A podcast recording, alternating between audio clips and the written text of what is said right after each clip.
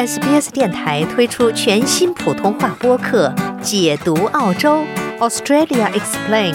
在这里，你可以轻松欢快的了解有关澳洲的有趣知识。听众朋友们，大家好，欢迎您收听本期的闲话澳洲。今天呢，我们还是请到了特约嘉宾 Helen。今天的节目中呢，我们会来和大家说一说澳洲的影视节目。不知道您在日常生活中会看多少澳洲本地的影视节目呢？又有哪些澳洲的影视节目值得大家去一看呢？啊，就我个人来说啊，现在因为各种流媒体平台的发展呢，我个人在电视上花的时间也是和之前相比是少了很多。但是澳洲呢，还是有非常多值得一看的影视节目的。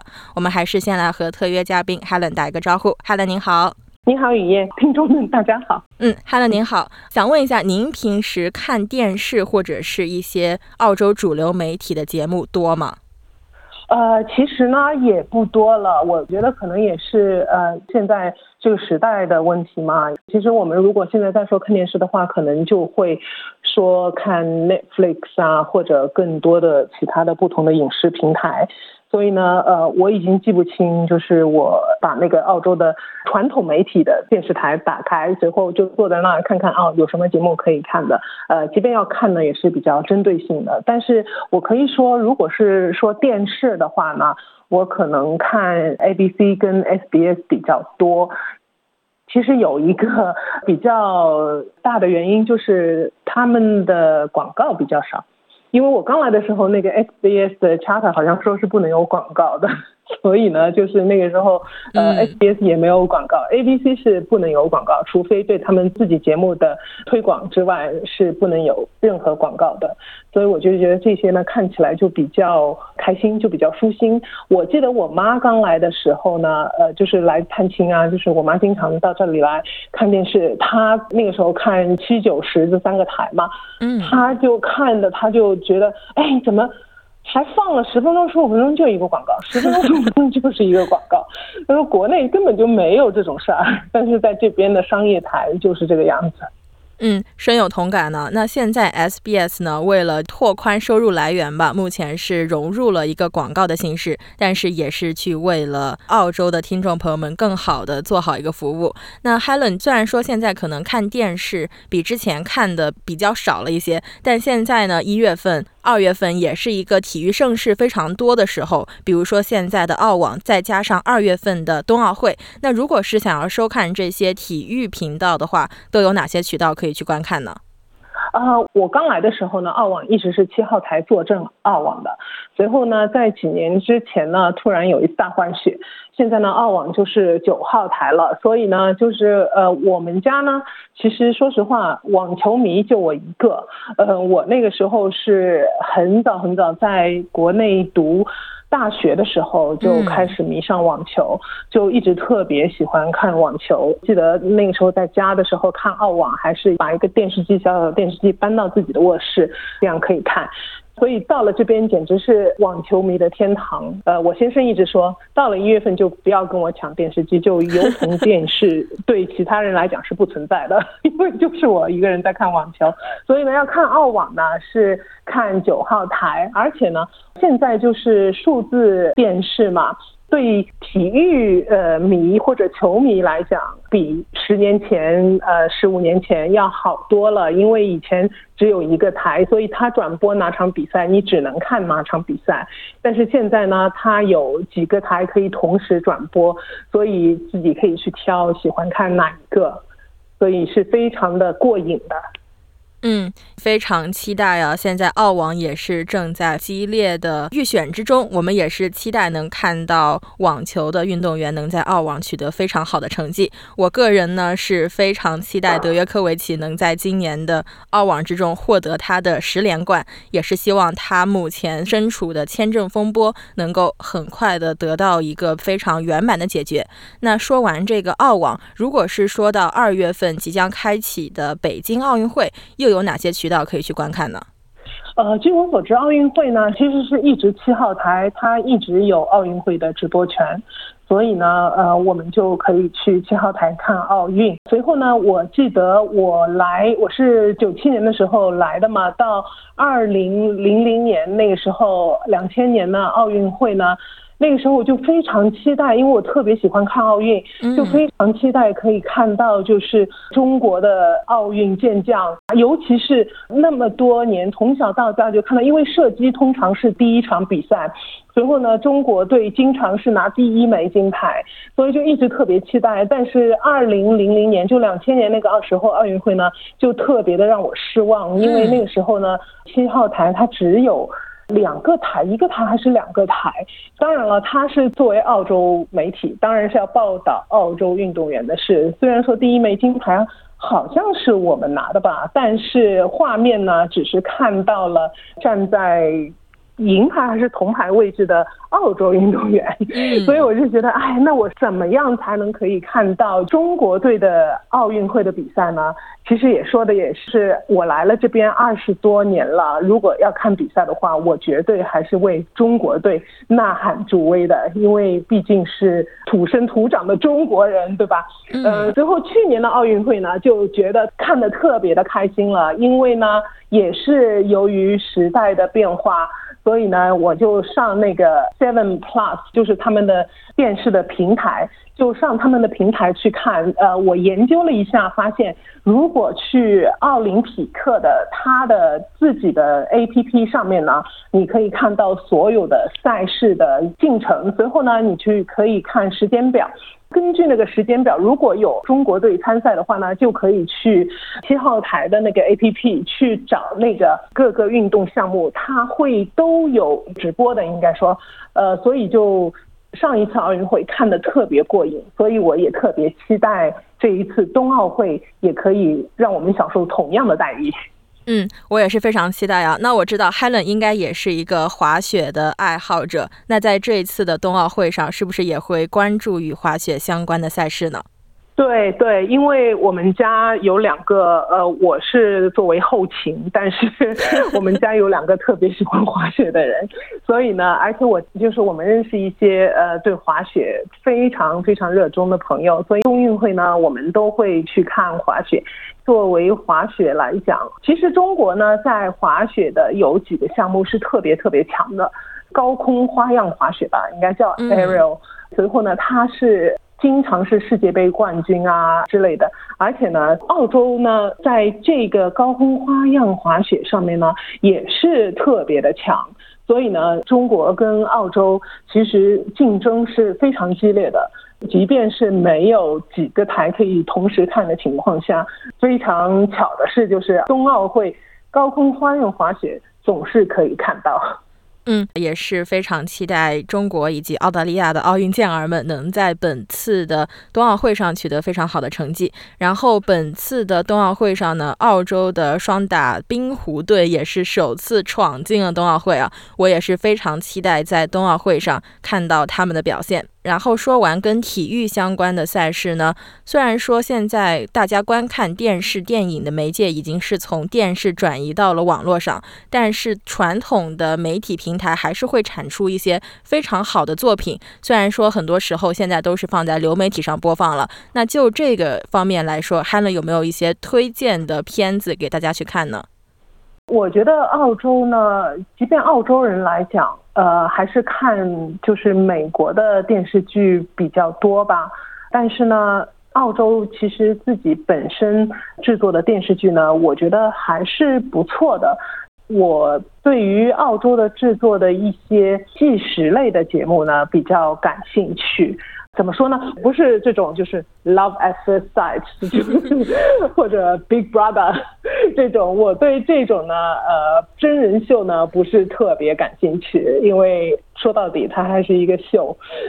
但是我对呃一些纪实类的节目，比如说呃个叫 Old People's Home for Four Year Old，。这个是 ABC 它推出的，它有两个系列，就是带一群小孩子去养老院里，跟呃老年人一起沟通，跟他们一起玩耍。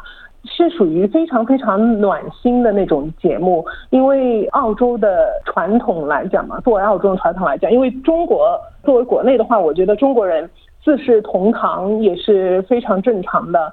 呃，随后呢，就是在。孩子就第三代出生之后，呃，爷爷奶奶、外公外婆对他们的生活就是还是非常介入的。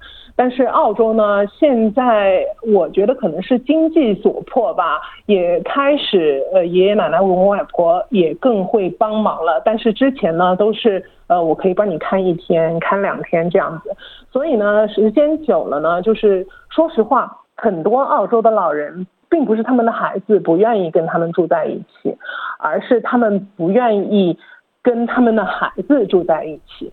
呃，因为他们独立惯了，希望更独立一点，所以有的时候呢，他们去了养老院呐，或者呢就在自己家里呢，又非常孤独。而且呢，澳洲的老人，我觉得就是有一种，呃，怎么说说傲骨吧，他们不希望就成为别人的负担，也不希望让人家知道。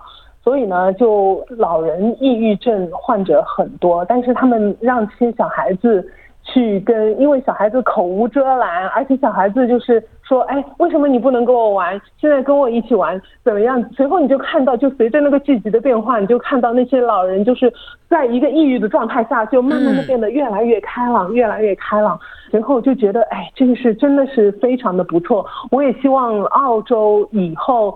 呃，我不知道现在国内的情况是如何，因为我在那边很久没有待了。但是我希望澳洲今后呢，也变成就是老年人还是非常融入家庭后辈们的生活，这样的话对老年人的身心健康都是非常好的。嗯，刚才 Helen 说到的这个剧集啊，《Old People's Home for Four-Year-Old》，有兴趣的听众朋友们呢，也可以去到 ABC On Demand 网站上去观看相关的内容。那既然是说到了这个剧集，如果说让 Helen 选一个在里面最戳到你的一个场景，您会去选什么呢？我感觉这个里面就是非常触动人心的，很多的都是一些小事。从一些小事里面，你可以看出来，就是孩童们的天真，以及老人们刚开始的一些倔强吧。但是随着这个剧集的切入，然后这个老人们也是慢慢的开始打开自己的心扉，因为有的时候孩子可能是无心的一句话，就可以戳中老人的一个点，然后大家就可以开始交心了。虽然说这个。老人和孩童之间是差了很多的年龄，但是感觉这个心还是可以去贴到一起的。对，我也觉得，我觉得很多老人，呃，也不是老人了，我们都有一颗小孩子的心，都在那里藏着呢。随后，呃，就要那些小孩子，呃，能够把这个给激发起来。而且呢，在就是呃迟暮之年吧，看到小孩，因为他们是人生刚刚开始，所以看到他们开心呢。自然而然的，我就觉得心情就会好。我就记得有一集，就是第一季的时候，有一位老人，他什么都不想参加，呃，但是呢，孩子并不是说，因为如果作为一个成人的话，可能就觉得啊，那你不参加的话，就礼貌上来讲，我就不逼迫你了，那他们也可能就算了吧。但是作为小孩子来讲呢，他们就觉得，哎。为什么你不愿意跟我一起玩呢？所以呢，就有孩子就会不断的坚持，一定要他们加入这些。游戏当中去，慢慢的这些老人你就看可以看到他们就变得越来越开朗。其实几乎每一集都有，我记得第二季的时候呢，有一位老人说啊，没有人愿意跟我一起玩，但是他最后跟一个小男孩就是建立了一个非常坚固的一个友谊。随后呢，他们在节目结束之后还跟孩子的爸爸妈妈说好，他们会经常再相聚的。嗯，感觉也是非常有社会意义的一个剧集吧。我感觉我回家也是要开始去重温里面的一些剧情了，因为最近怎么说呢，这个疫情带来的负能量还是有一些大的，需要一些暖心的东西去把这个负能量给去抵消一下。然后再说到，如果因为现在很多华人，我知道可能也是因为时代的关系，大家对澳洲主流媒体所产出的一些电视的剧集可能没有那么的感兴趣。但是如果是从这个英语学习的角度来看，Helen 这边有没有什么可以推荐的一些剧集呢？就我个人来讲啊，我非常喜欢看的一个。从中文翻译过来应该是护目镜盒吧，Goggle Box 这个剧我觉得非常的有意思，不知道 Helen 平时是不是也会看这个呢？对对，其实十号台。我觉得十号台的有一些节目我还是挺喜欢的，其实有三个吧，一个 Master Chef，我估计大家都看过。是的。那个呢，呃，其实我觉得那个是不错的。为什么呢？跟其他的那种比赛型的竞赛类的 cooking，就是烹饪节目相比呢，我觉得 Master Chef 它没有就是特别的去突出竞争对手之间的矛盾。三个主持人给出的一些建议呢，都是因为有句话叫说，呃，constructive criticism，就是都是有建设性的建议。所以呢，我觉得整个节目就是非常暖心，就大家互帮互助，没有说啊，我要把你搞下去，这样的话我就可以赢了。所以我觉得这是一个非常好的竞赛类烹饪节目，而且呢，从第一季开始到现在就一直是这样一种氛围，这样一种感觉。还有两个呢，就是 Google Box，还有一个呢，呃，叫 Have you been paying attention？首先呢，我很喜欢 Google Box，为什么呢？因为我对呃其他的就是真人秀之类呢不是特别感兴趣。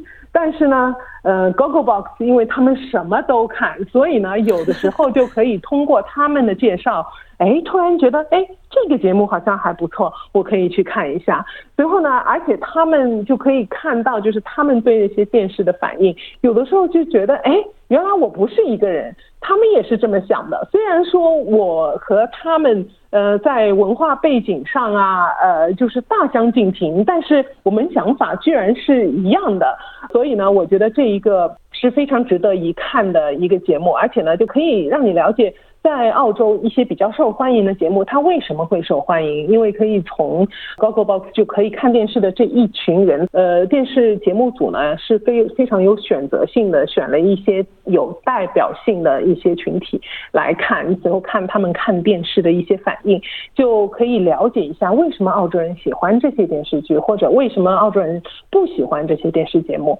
还有一个呢，其实我一直非常推荐的就是 Have you been paying attention？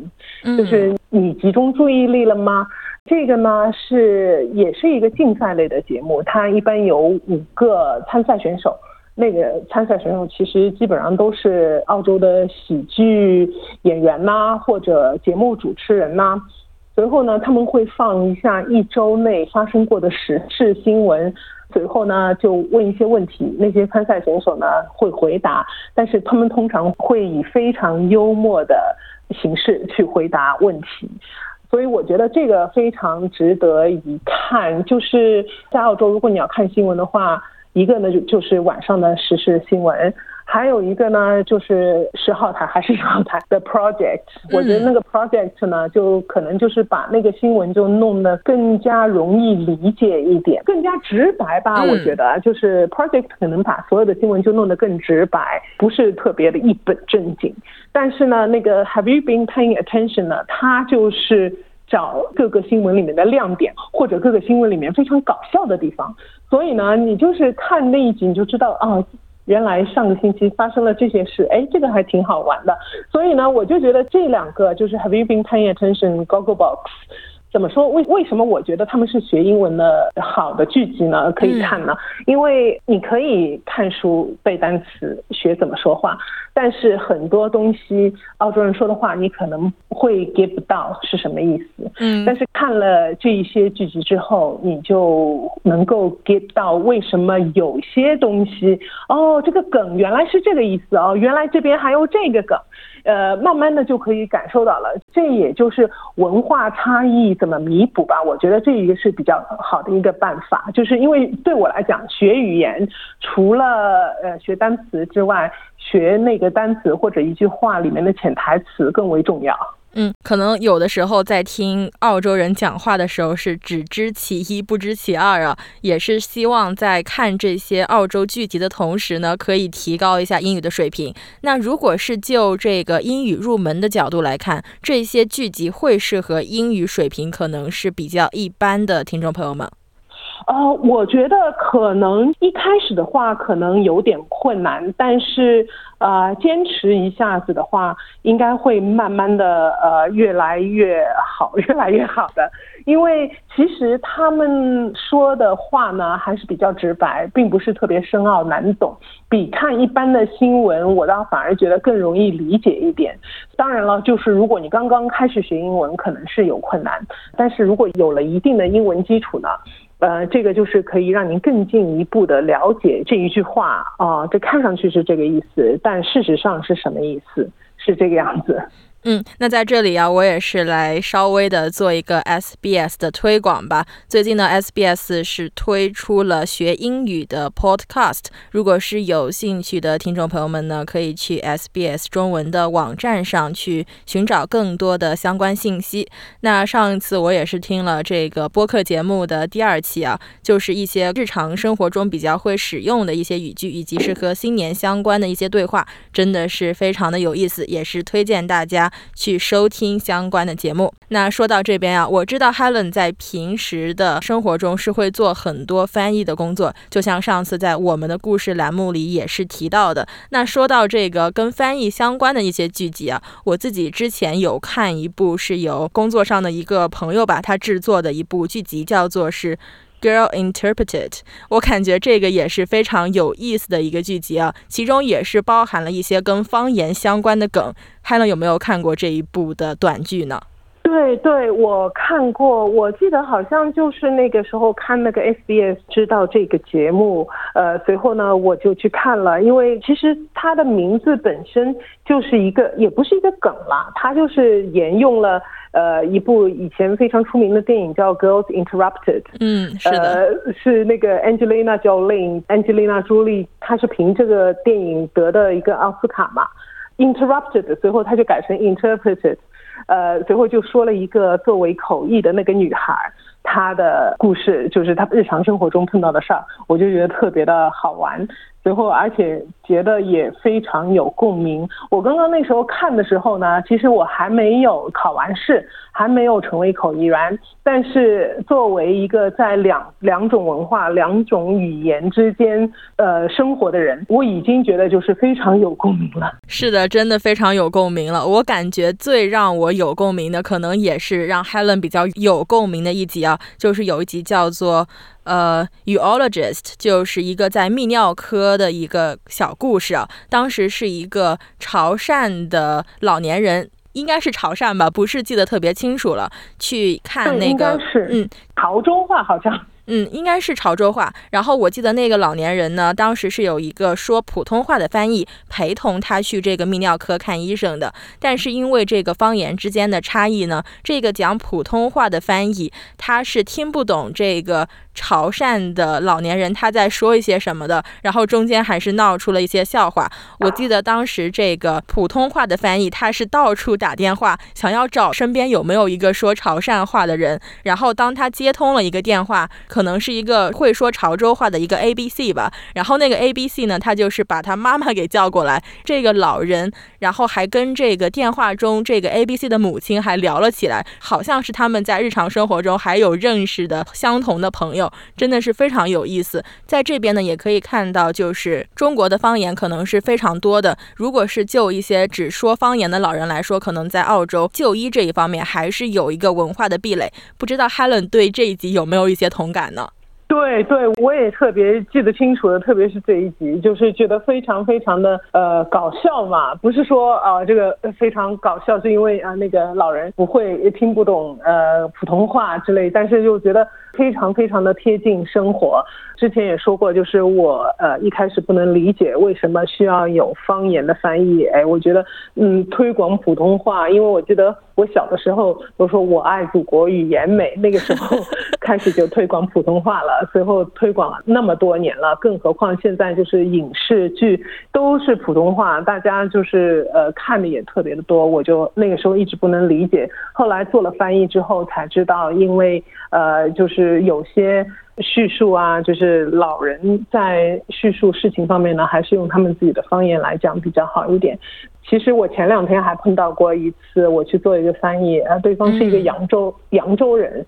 呃，我不知道为什么呃那个翻译公司呢认为呃他们需要找一个上海话的翻译，那我 我就跟他讲上海话，但是他听不懂我。他不会说普通话，但是他说的扬州话，我真的是很难很难听懂，呃，基本上都听不太懂。我最后只能跟那个就说英语的那一方说，我实在是没有办法听懂，所以说我最后只能把说英语的那一方的一些信息用普通话传递过去。至于反馈是什么，真的是很难。所以有的时候就在想，哎，如果其实怎么说呢？我觉得 NATI 就是澳洲的翻译认证机构，应该让所有的翻译都。存档就是说他们本身的方言是什么，这样的话就应该是一个非常美好的事情，因为就可以帮到更多的人了。嗯，可能有的时候，因为这个方言语种它涉及的人群面不是很大，所以 Nati 也没有单独给它批出来一个种类，说是你可以去认证这个资质。但是有一些覆盖面积比较小的方言，可能可能在澳洲还是有一个使用率的，也是有很多的在澳的老年人吧会使用这些语言。所以我觉得这个真的是非常有必要的。再说回这个 Girl Interpreted，也就是中文翻译过来是丽丽译东西这一部。小剧啊，然后在这个小剧里面呢，还能看到非常多华人在澳洲生活的一些缩影啊。比如说，有的时候一些事情它会 got lost in translation，就是在翻译的过程之中，它就失去了它本来的一些含义。再回到前面，如果在这个时候大家可以去看一些澳洲本地生产的一些包含了很多澳洲英语梗的一些电视节目的话，可能对这个翻译方面也会是去起到一些相应的帮助。对对。确是这样，嗯，然后呢，最后再说一说，就是 SBS 自己引进或者是自己制作的一些电视剧集吧。刚刚我记得 Helen 也有说到，If You Are the One。就是这部剧，也就是 SBS 来播放的中国制作的一个《非诚勿扰》的相亲的片子吧？不知道 Helen 平时是不是也会去看一些这些 相亲的一些片段呢？其实呢，其实我是在呃，因为《非诚勿扰》应该是我到澳洲来生活之后才开始的，所以呢，我回国的时候呢，听到过有这么一个节目，但是呢，并没有看到过。随后呢，呃，有一次也是机遇巧合，我记得那个时候是星期六晚上播出的，应该。随后呢，我先生又坐在那儿看，他说：“哎，这个应该可以看，是中国的节目。”随后我说：“是什么？”随后他告诉我：“If you are the one。”我说：“这个我不知道是什么。”随后我就坐下来看，看到半当中才明白，哦，原来这个就是《非诚勿扰》呀。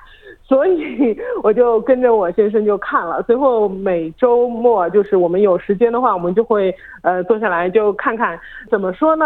其实也是一个对澳洲人来讲，可能是一个中国文化的，起码是中国现代当代文化的一个小窗口吧。就看看中国人呃是怎么 dating，因为现在。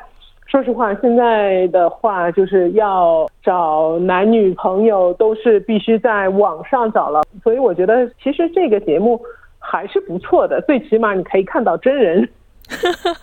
是啊，我记得这个 If You Are the One 非诚勿扰，他还是做过一个澳洲的专场。如果是有兴趣的听众朋友们，可以在网络上翻找一下吧，说不定还能找到当时相关的一些影像记录。我觉得那个真的是非常非常的搞笑，非常非常的有娱乐性的。然后最后呢，还是再做一下关于 SBS 相关的 Primo 吧。因为呢，SBS 呢也是将于今年推出免费的多语言电视新闻频道。这一新闻频道呢，将在黄金时段之内是播出由 SBS 制作的普通话的电视新闻。它的时长是在三十分钟，然后会在每个工作日晚上的黄金时段播出。这个电视新闻呢，将为澳大利亚庞大又多元的普通话社区提供值得信赖的报道背景以及对国内外重要新闻的洞察。这些节目呢，将是由 SBS 的记者制作并且主持，也将是于一月份呢，在 SBS On Demand 平台上首播，直至新的电视频道，也就是刚才提到的 SBS World Watch 推出。相信呢，这个也是听众朋友们在新年可以值得去期待的一个服务吧。啊，老生常谈了嘛，SBS 的宗旨就是为了在澳洲的华人群体服务。那今天呢，也是非常感谢 Helen 来做客显化澳洲，也是希望呢，听众朋友们可以从这期节目中去寻找到可能是自己感兴趣的一些影视作品。感谢 Helen，谢谢谢谢雨。喜欢、分享、评论。欢迎您在 Facebook 上关注 SBS 普通话页面。